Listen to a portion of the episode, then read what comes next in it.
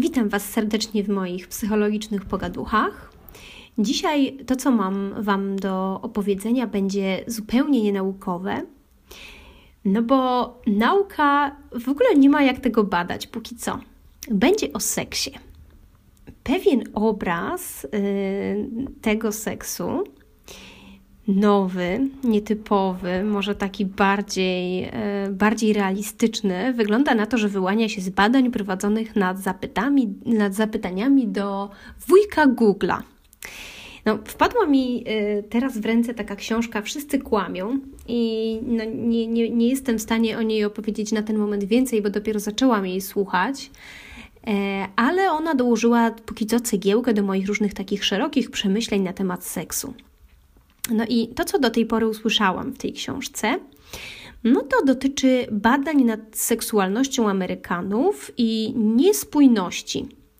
No i wynikałoby z tychże niespójności, oczywiście wykonanych nie na zapytaniach Google'a, tylko w jakichś tam poważnych kwestionariuszach i badaniach, które w ogóle zostały uznane za mm, jakieś takie wiarygodne, no i mimo wszystko y, te kwestionariusze, mimo że były anonimowe, to pokazały, że y, mężczyźni zawyżają liczbę stosunków, y, kobiety twierdzą co innego. No i można powiedzieć, czyli że kobiety mówią, że tych stosunków uprawiają mniej, no i można by powiedzieć, no dobra, no faceci może kłamią, ale kłamią swoim partnerkom. No i że uprawiają po prostu więcej seksu na boku, dlatego to się tak nie skleja.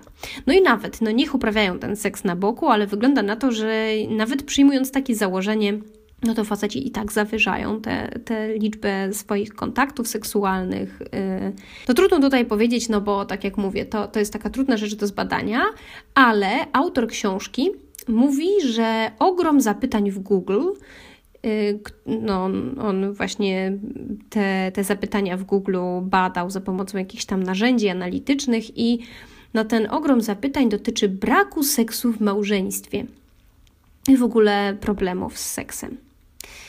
No drugim y, przyczynkiem w ogóle do podjęcia tego tematu y, przeze mnie był artykuł w Wysokich Obcasach, y, w którym była mowa o białych małżeństwach, no, czyli to są takie małżeństwa, które nie uprawiają seksu. No, nie wiemy w ogóle, ile jest tych małżeństw, no i pewnie się nie dowiemy, bo, bo to jakby ludzie nie mówią o tym chętnie, no i, i tego nie widać po prostu na zewnątrz najczęściej. Ale y, no jeżeli będziemy bazować na kwestionariuszach, w których ludzie opowiadają o tym swoim seksie, no to, no to po prostu nie dowiemy się tego nigdy. Zacznę od tego wątku kwestionariuszy i dlaczego w sumie w nie nie wierzę. Otóż przede wszystkim dlatego, że wypełniamy je sami, na podstawie własnej oceny. No i tutaj nie ma żadnego, słuchajcie, obiektywnego sposobu, żeby sprawdzić, czy ktoś, kto ten y, kwestionariusz wypełnił, to czy on nie ściemniał. A ludzie ściemniają i to wiemy na pewno. No i czasami okłamują intencjonalnie innych, ale nie zawsze, bo czasami też, słuchajcie, sami przed sobą nie chcą czegoś przyznać, no więc oszukują sami siebie.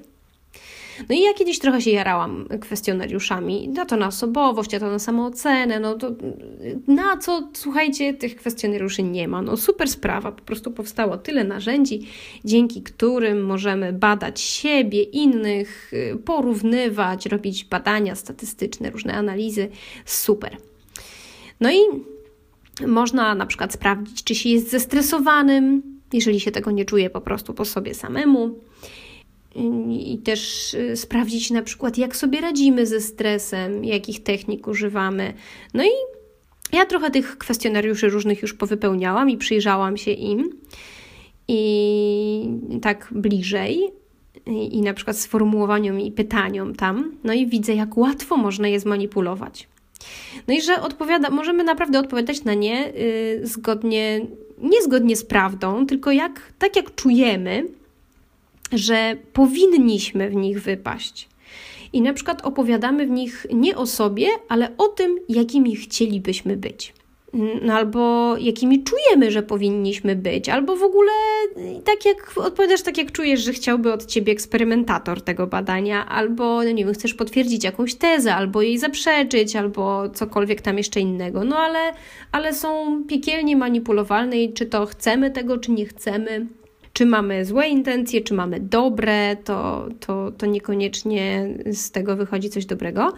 I w dodatku Y, ja zauważyłam, że mają na nie wpływ takie rzeczy jak samopoczucie na przykład, czy to, co wydarzyło się parę chwil wcześniej, albo nie wiem, rankiem tego samego dnia. No i jeszcze na przykład, y, być może słyszeliście o efekcie torowania. No i efekt torowania to jest coś takiego, że y, na przykład doświadczamy jakiegoś zdarzenia albo y, słyszymy jakieś wyrazy, czy widzimy jakieś wyrazy, i zostało przez psychologów poznawczych zbadane, że ten efekt torowania ma później wpływ na to, w jaki my sposób y, zaczynamy się zachowywać, mówić, myśleć. No i tam były no, przeróżne badania, które pokazywały na przykład, że nawet jeżeli y, ktoś doświadczał, miał y, poza, poza w ogóle nawet swoją taką percepcją y, i poza świadomością, nawet widział wyrazy różne, które się kojarzyły ze starością, to później nawet wolniej szedł na badanie jakieś tam jeszcze kolejne przez korytarz Y, niż osoby, które doświadczały na przykład, czy miały takie wyrazy związane ze żwawością, dajmy na to. No albo jeżeli ktoś y, miał utorowany, czyli znowu y, był nafaszerowany jakimiś wyrazami wcześniej, czy jakąś czytanką, czy jakąś rozmową o na przykład przedsiębiorczości i zarabianiu kasy, to był mniej skłonny na przykład pomóc y, jakiejś tam pani, której się wysypały kartki, ale rzeczywiście takie badania są na efekt torowania, że y, jeżeli na przykład y, mamy jakieś tam, mm, ktoś nam przypomni o naszych uprzedzeniach, no to na przykład w rozmowie z jakąś osobą te uprzedzenia wypłyną albo i to są naprawdę rzeczy takie podprogowe, czyli my ich nie musimy y, zarejestrować naszą świadomością, tylko po prostu y, to wpływa na nasz nastrój, wpływa na nasze zachowanie, na nasze przywołanie po prostu w naszej głowie pewnych przekonań, które z kolei spowodują, że zachowamy się czy postąpimy w jakiś tam konkretny sposób.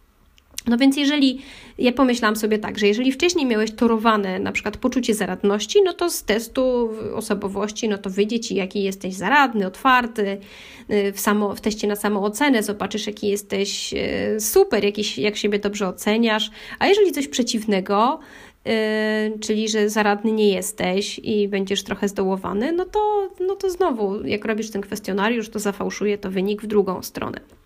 No to sprawdziłam na sobie nieraz i widzę również, y, no, że na przykład dziś, kiedy jestem bardziej szczera, znacznie bardziej szczera wobec siebie, no to odpowiadam na te pytania w kwestionariuszach no już zupełnie inaczej. No i, i przecież nadal nie jestem ze sobą całkowicie szczera, no bo, bo ciągle jestem człowiekiem y, i ciągle jestem takim człowiekiem, który, którego uważam też na jakimś takim początku drogi samorozwoju. Y, nie wiem też, czy w ogóle się da być całkowicie ze sobą szczerym. Mamy takie mechanizmy, które, które by temu zaprzeczały. No ale dobra, ale jeżeli mamy takich ludzi, którzy szczerzy nie są, no i widać to na przykład, jak się pyta, słuchajcie, o zachowania zdrowotne. I tutaj y, gorsze, y, i to nawet nie chodzi szczerość czy nieszczerość, to taka, taka szczerość wobec siebie. No więc gorsze zachowania zdrowotne zdają się przejawiać osoby, które są wyżej wykształcone. No, czy oni naprawdę gorzej jedzą? Czy są mniej uważni na swoje zdrowie? Czy, czy uprawiają mniej sportu? No, no, czy tylko są po prostu bardziej świadomi i oceniają gorzej to, co inni uznaliby za super zachowanie zdrowotne? No i tak już dla ekstremy, no to podam taki przykład, że wyobraźmy sobie gościa, który wcina golonkę, mortadele, pije sporo piwa, no ale może uważać, że się dobrze żywi i tak deklarować. No i co mu zrobisz? No nic mu nie zrobisz. No. I masz od niego taki kwestionariusz, który y, w którym on ci powie, że no to, że on pije trzy razy w tygodniu piwo, to on uważa, że mm, nie wpływa, to, to jest spoko zachowanie zdrowotne, ale poza tym to uprawia sport, na przykład biega ultra i, i, I, właśnie to, że on nawet i codziennie pije piwo, no to, ale przecież on uprawia ten sport, nie? No więc y, on jest przekonany o tym, że to zachowanie y, prozdrowotne jak najbardziej. Więc jest to bardzo takie subiektywne. No i wracając do tematu seksu, no to już tutaj to w ogóle możemy być niezłymi kłamczuchami, no bo to jeszcze dotyczy naszej takiej bardzo wrażliwej sfery. No i bardzo nie chcemy tutaj być no, nieudacznikami. Bardzo nie chcemy, żeby ten nasz seks był do kitu. Też dlatego, że on jest taki reklamowany jako coś takiego, że po prostu unosisz się nad górami, lasami, dolinami, i ten orgazm przez duże O, i te eksperymenty w łóżku, taka masutra, to szczęśliwe życie erotyczne aż do seniora. I przedstawia się to jako coś takiego, że seks tak ze dwa, trzy razy w tygodniu, no już co najmniej raz, no ten raz w tygodniu, no to, to, to już po prostu musi być. I, no i czytamy o takich y, rzeczach w gazetach. I takie sobie gdzieś tam wyobrażenie robimy. Czytamy na przykład, że jeżeli y, tego seksu nie uprawiamy przez, nie wiem, trzy miesiące na przykład, no to, że to już jest poważna, poważna rzecz i że właściwie już należy bardzo poważnie o tym rozmawiać. No, o poważnych rozmowach to się zgodzę. Myślę, że w ogóle warto ze sobą poważnie rozmawiać, ale mm, no już po pół roku to już na pewno szoruj do, do psychologa, do seksuologa, bo tam już się dzieje jakaś katastrofa i to skutki mogą być nieodwracalne. O takich rzeczach czytamy sobie w gazetach i właśnie w tych wysokich obcasach był artykuł o białych małżeństwach, no, które decydują się na to życie bez seksu. No i psycholog y, który się tam wypowiada, mówi na przykład, że mój klient, któremu stuknie 20 rocznica bez seksu, chce ją świętować z żoną, otworzyć szampana. To absurd, bo chce celebrować z żoną coś, co jest negatywne. To jest cytat. No i też tam w tym artykule jest generalnie mowa o tym, że ten seks musi być i że to on ma spajać relacje i że jak on nie spaja tej relacji, no to jest taka wydmuszka, a nie związek i że też jest mowa o tym, że sukcesem będzie doprowadzenie takiej pary do tego, żeby ona się mogła kulturalnie rozstać, bo, no, no bo, bo oni po prostu nie mają tego seksu, w związku z czym są nieszczęśliwi i nieważne jak generalnie funkcjonują, ale no, seksu nie ma, to klapa. No i teraz też nie chodzi mi o to, żeby mówić, no, że ten seks nie jest ważny i że w ogóle nic to nie oznacza, jeżeli tego seksu nie ma albo w, w tym małżeństwie, albo w relacji. No ale mam wrażenie, że y, my żyjemy przez to wszystko w jakimś takim złudzeniu normalności, które mówi nam, że no, inni ludzie ten seks mają i mają z niego satysfakcję przez jakieś, kurde, 20-30 lat małżeństwa, a jeżeli my tej satysfakcji nie mamy, no to tylko my nie. No i teraz dawaj, kurde, chodź tu z buteleczką wyrzutów sumienia i polewaj. No i tak sobie myślę, że to było bardzo piękne, gdybyśmy my byli w takich związkach, w których pożądanie nie znika, no, w których mamy po prostu wszystko, czego pragniemy. I, i zrozumienie, i wsparcie, i mamy bezpieczeństwo, i mamy miłość, przyjaźń, i, i jest to pożądanie, wspaniały dotyk, no, no, no ten seks przez duże S, no, i, i te in, inteligentne rozmowy i no, masa rzeczy, które nas jeszcze łączą, jakieś ulubione seriale, podróże, no wszystko. No ale słuchajcie, to nie jest żadna norma. Bo norma jest tam, no, no, gdzie są zwykłe ludzkie domy i ludzkie dywany z problemami. No i są tam i białe małżeństwa, i, i pary uprawiające seks, i nie zawsze z powodu pożądania. No, to jest, przyznam, że to jest temat rzeka. Słuchajcie, no to, to dzikie pożądanie, które łączy nas na początku, ten, przez ten pierwszy rok, no czasami dwa, no, no to, to, to pożądanie, które się bierze z biologii. No, mamy na siebie chcicę i, i wtedy w ogóle nie trzeba nad tym nawet pracować. Po prostu e, ta chęć na seks jest. I potem ta chcica przemija. No, biolodzy powiedzą nam, że to dlatego, że już zwykle wtedy albo mamy dziecko i żeby je wychować, żeby normalnie żyć, albo jak z tym partnerem nie, no to z innym. I, no i że nie możemy utrzymywać tego stanu w nieskończoność, no, byś, no bo byśmy się, słuchajcie, zajechali. No bo jak się zakochujemy, to niektórzy z nas chudną, w ogóle nie myślą o jedzeniu, inni mają po prostu mózg z masła i nie potrafią kompletnie skupić się na pracy, nauce. No, cały czas chodzą tacy po prostu rozmaśleni. No i to nie może trwać. No bo po prostu byśmy nie funkcjonowali. I wtedy, kiedy to przemija, no to trzeba zadać sobie y, o ten seks trud i to pielęgnować i się o to starać. A wielu z nas nie umie tego robić. No, już pomijam kwestie tam, że są zmęczeni dziećmi, na przykład, albo coś im dolega, yy, nie wiem, tam mają nieswoiste zapalenia jelit, albo jakieś inne yy, problemy w pracy, yy, problemy, w, nie wiem, no w szkole, y, jakieś konflikty, problemy ze sobą. Jedno to jest to, że no, ten seks już tak nie smakuje, drugie to, że znamy się wtedy z tym partnerem, no lepiej. Już mu nie dajemy takiemu, takiego kredytu zaufania. Już opadły nam te różowe okulary. czasem on nas będzie już teraz wkurzał i będą narastały konflikty. I czasami będziemy się czuć przez siebie na przykład upokorzeni, bo wynieśliśmy z domu, czy w ogóle z, przez życie niesiemy jakieś takie zachowania, na przykład pasywno-agresywne i, i, i nie potrafimy ze sobą rozmawiać otwarcie i szczerze, tylko właśnie poprzez jakieś takie dosrywanie sobie. No i te konflikty też często są tłumione i właśnie niesiemy te no, krzywdy z jakiegoś dzieciństwa, z jakiegoś nastolectwa, dorosłości, jakieś fatalne y, też poprzednie doświadczenia ze związkami, z seksem. No i one też wpływają na naszą relację i na ten seks. I no, ja sobie czasami to tak wyobrażam, że z, tego, z tej właśnie też wiedzy, którą wyniosłam z kolorowych czasopism na przykład, że ten seks jest takim papierkiem lakmusowym i że jak się coś nie układa w związku, no to trudno o dobry seks. Yy, no i no czasami oczywiście się też mówi o takich parach, które właśnie wtedy mają ten ogień i, i jak jest właśnie tak nerwowo i źle, no to one wtedy mają właśnie super seks.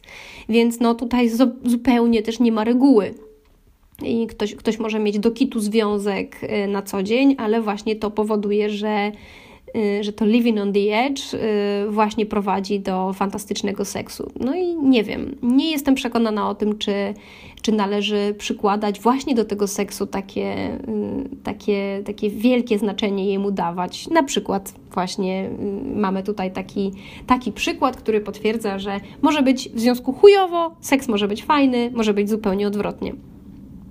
No zobaczcie, wiele kobiet na przykład się odchudza. No i dlaczego one się odchudzają? No bo no, czują się niedoskonałe, nie takie, za grube, mają jakieś kompleksy. E, a gdy się ma kompleksy, no to trudniej o satysfakcjonujący seks. Jak się ma zaburzenia żywienia, to mm, zajebiście trudno o satysfakcjonujący seks. No wiele młodych kobiet y, też, y, słuchajcie, skupia się za bardzo na tym, jak dogodzić swoim facetom. No, Wiele z nich nie potrafi po prostu też mówić, czego pragnie, nawet nie wiedzą, mm, jak miałyby sprawić, żeby im było w tym łóżku przyjemnie. No, faceci niekoniecznie potrafią im tę przyjemność sprawić. One też nie wiedzą, jak ich poinstruować, no więc rezygnują na przykład ze swojej rozkoszy i udają, że jest im dobrze, albo nie udają, ale na przykład tylko mówią: No, już samo to, że jesteśmy tak blisko, jest dla mnie satysfakcjonujące. No i, e, no i słuchajcie, no potem no, czyta, ja, ja czytałam ten tekst mnóstwo razy w różnego rodzaju, a to książkach a to, yy, a to jakichś tam gazetach właśnie kolorowych i tak sobie myślałam, okej, okay, no ja jestem kobietą, więc no dla mnie to, że jesteśmy tak blisko, to już samo to może być satysfakcjonujące, nie? No, a, a potem się okazało, że, że może, kurde, jednak, yy, jeżeli odrzucę to głupie przekonanie, no to bardziej zawalczę o swoją przyjemność. No i, no i właśnie te, te kolorowe gazety na przykład gadają takie bzdury. No, rozmawiałam, słuchajcie, z wieloma różnymi y, moimi znajomymi i też z obcymi kobietami. Y, o naszych doświadczeniach seksualnych. Czasami też przed, przed obcą osobą jest się trochę łatwiej otworzyć. No więc rozmawiałyśmy o takich doświadczeniach naszych seksualnych sprzed lat i słuchajcie, łapałyśmy się za głowę, jakie miałyśmy, jakie byłyśmy w tym naiwne, jakie miałyśmy przekonania właśnie i jak przemawiał przez nas ogromny lęk przed odrzuceniem i że myśmy po prostu odcinały się same od siebie. I dopiero musiałyśmy się tego nauczyć, żeby jednak na przykład zostawać w swoim ciele. No, większość z nas, jak się okazuje, doświadcza jakichś problemów z seksem. I to są no, albo brak pożądania, albo jakieś problemy mm, takie no, z samym sobą, które sprawiają, że nie mamy ochoty. To mogą być też techniczne problemy. Faceci mają problem z tym, że, no, że, że właśnie im nie staje. A kobiety na przykład, że się zaciskają, albo że tam, nie wiem, nie mają y, lubrykacji i że, je, i że je boli. Y, albo w ogóle, no, po prostu nie mają ochoty najmniejszej. Z, wyłączają się przez to, że właśnie y, miały jakieś złe doświadczenia, albo do, doświadczyły bólu, albo zostały w jakiś sposób poniżone, albo nie czują się pewnie w relacji. Y, no, z przeróżnych powodów y, się wyłączamy seksualnie. No a wokół mówi się, że wszyscy są tacy napaleni i że właśnie w, te, w teraz, w tych czasach po rewolucji seksualnej, to każdy może i w ogóle każdy powinien mieć tę satysfakcję, a jak jej nie masz, jak ty jej nie masz, to czujesz się gorszy i nieudany i taki fatalny. No jest, kurde, to jest kolejne źródło kompleksów. I, i, I, nie ma takiego szczerego właśnie mówienia o tym, że słuchajcie, to w ogóle nie jest prosta sprawa i że tak powiem, trzeba się o to trochę natrudzić, tylko jest tak, że no, yy, inni są napaleni, inni ten seks mają i w ogóle yy, w tych małżeństwach tak długo funkcjonują z tym seksem, a my, kurde, jesteśmy jacyś dziwni i nienormalni. No i też słuchajcie, no jeszcze kolejny wątek, który tu poruszę, no to to, że na przykład jakie kuku nam robią filmy porno. I to jakby skoncentruję się tutaj na kobietach, no że tam no, oglądałyśmy się takich różnych fantazji na temat seksu. Zresztą faceci też to, jakby też uważam, że faceci mogą na tym sporo tracić. I potem nam się zdaje, że tak to powinno wyglądać. No, facetom się tak zdaje, kobietom się tak zdaje i znowu czujemy się źle, no jeżeli tak to nie wygląda. Kobiety na przykład za dużo myślą o tym, jak wyglądają fizycznie, czy są odpowiednio sexy, czy, czy tam wygolone, czy. No właśnie, zamiast być we własnych ciałach i zamiast odczuwać to wewnętrznie, y, no to one się zastanawiają, albo właśnie myślą, że o, żeby to było ciekawsze, to może powinniśmy tam, nie wiem, kilka razy w trakcie zmienić. Yy, Zmienić pozycję, a, a na przykład okazuje się, że wiem, jednak komuś może być fajniej w jednej pozycji, bo wtedy bardziej się może skoncentrować i bardziej to poprzeżywać wewnętrznie. No, kobiety na przykład też wciągają brzuch, żeby nie był za gruby, a taki brzuch, który jakby po którym nie może się rozlać fala rozkoszy, no to, to jest smutny brzuch. No, nieudany seks y, jest po prostu zawstydzający. No, jest dołujący, bolesny i jest poniżający. Dlatego nie, zupełnie nie jest nam łatwo się do tego przyznawać. Dlatego sami przed sobą chcemy trochę udawać, że przecież nic się nie dzieje, albo właśnie unikać tego seksu i mówić, że nie, nie, po prostu jesteśmy tam zapracowani czy cokolwiek. Ale znowu, nie, zupełnie mi nie chodzi o to, żeby teraz mówić, że ten seks jest po prostu najbardziej niezbędny na świecie i dołować tych, którym to, którym to nie wychodzi i po prostu stawiać im to jako największy problem ich życia. Szczerze mówiąc, ja się często zastanawiam też nad tym, jak wyglądał, słuchajcie, seks dawniej. Zanim była antykoncepcja i kobiety przestały się jakby bać, że każdy stosunek to, to może być yy, ciąża zanim kobiety mogły być niezależne od swoich mężczyzn. Yy, I właśnie zanim mogły po prostu mówić: Nie, kurwa, nie będę uprawiać z tobą seksu. Zanim powszechnie stało się wiadome, czym jest łechtaczka. I, i, I właśnie, że jest często jedynym sposobem na kobiecy orgazm. I to w większości przypadków. Bo jednak y, mniejszość kobiet, y, zdecydowana mniejszość kobiet doświadcza y, orgazmu takiego stricte przez penetrację. I w ogóle też zanim, jak, jak wyglądał seks, zanim właśnie przyjemność, zwłaszcza kobiet, przestała być nie, no, nieczysta. Jak myślicie? No i ta zmiana, aż Mortiś westchnął, no ta zmiana nie dokonała się dawno temu. No, ona dokonała się niedawno temu.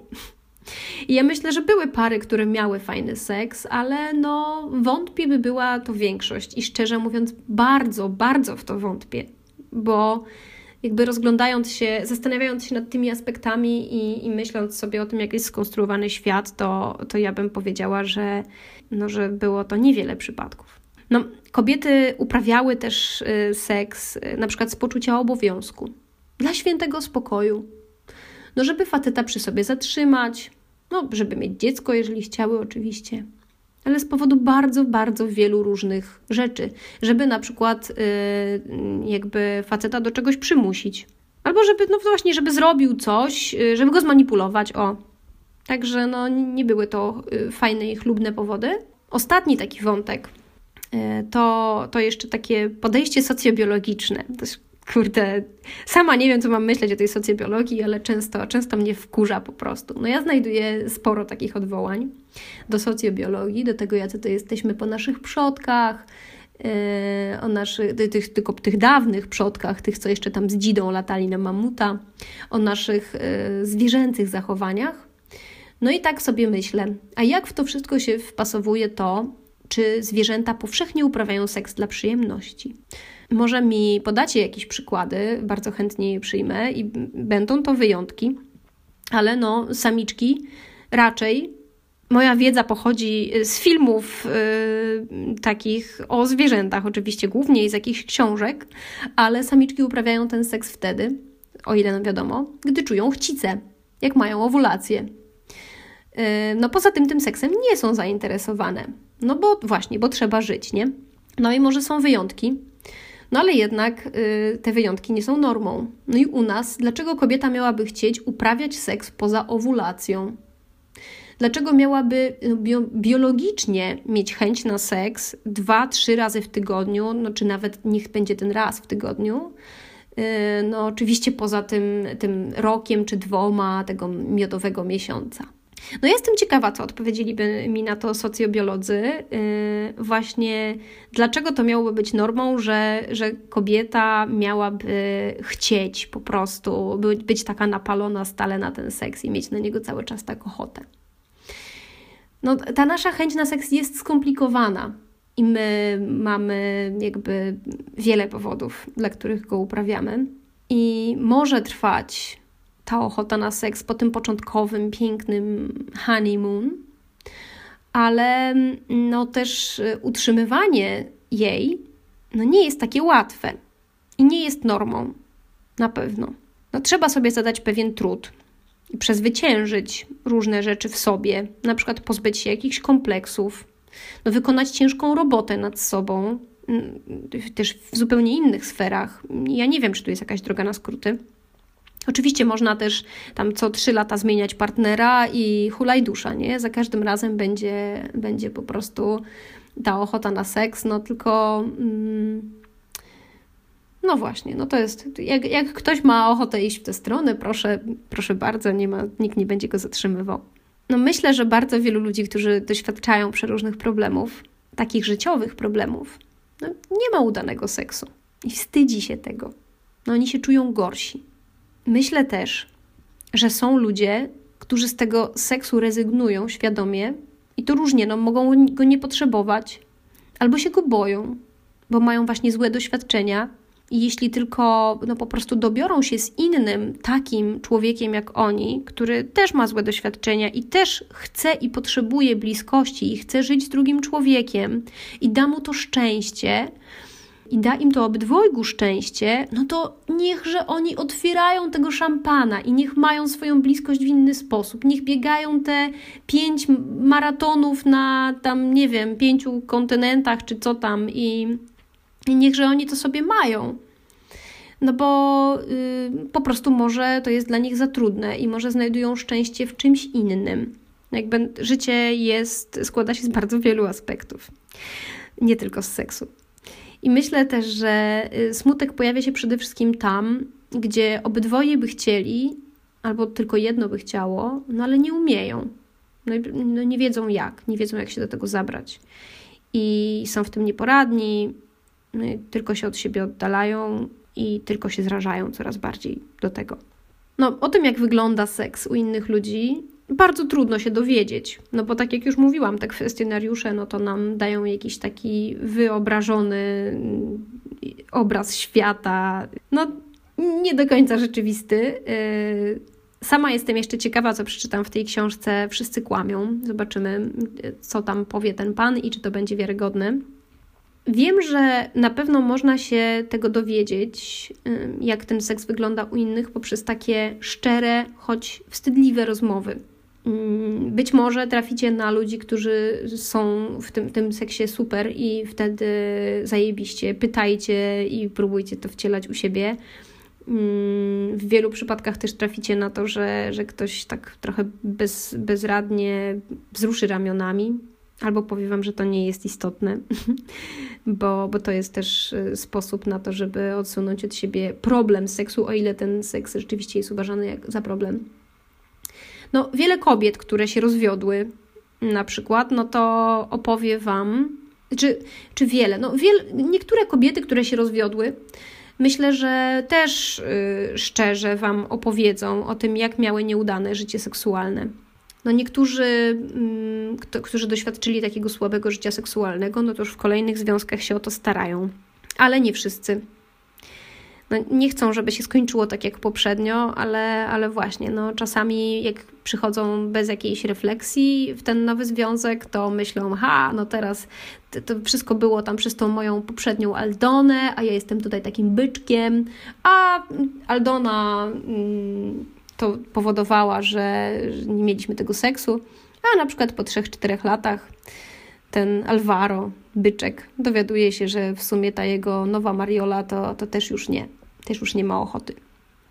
I że może problem tkwi albo trochę w nim, albo w ogóle gdzieś po środku. W każdym razie, że nie jest to taka prosta sprawa, że tylko zmieniasz rękawiczki i wszystko jest fajnie. No, niektórzy chodzą do seksuologów, psychologów, jeszcze inni znajdują sobie na przykład wentyl bezpieczeństwa na boku i tak sobie funkcjonują i, i jakby też nie nam to oceniać. Znam też ludzi, którzy, którzy w ten sposób funkcjonują i na przykład w wieloletnich, wielo, wieloletnich małżeństwach. I to jest ich sposób, żeby być w tym małżeństwie, a jednocześnie mieć tą podnietę seksualną w życiu. To jest naprawdę takie złudzenie normalności. Nie wierzcie w to, że jesteście wyjątkami, mając problemy z seksem. I no świetnie, jeżeli ten seks jest udany, i dostajemy wtedy skrzydeł. Myślę, że tak no, bardzo nas to podnosi naszą samoocenę i zwłaszcza po prostu jak po latach niepowodzeń wreszcie trafimy na partnera, z którym wychodzi, albo jak już same siebie znamy i, i to, to, nasze ciało i wiemy, czego ono pragnie i, i potrafimy dobrać y, tempo i, i powiedzieć temu partnerowi, czego my chcemy. I, i potrafimy same uczynić ten, ten seks cudownym. Wiemy też na przykład, czego nie robić, bo będziemy żałować i, i będziemy się z tym źle czuć. No to nie przychodzi z postanowienia i wcale nie tak dużo ludzi taką fajną sytuację ma. Nie, to jest spora praca do wykonania. Nie wierzcie w to złudzenie, nie, nie poddawajcie się temu złudzeniu, że w innych łóżkach to dzieją się takie cuda, tylko nie w waszym. To wszystko na dziś. Opowiadałam dzisiaj o trudnych y, sprawach związanych z seksem. Wiele rzeczy, które powiedziałam, y, możecie mi oczywiście zarzucić, że, y, no, że żebym podała jakieś statystyki, jakieś badania.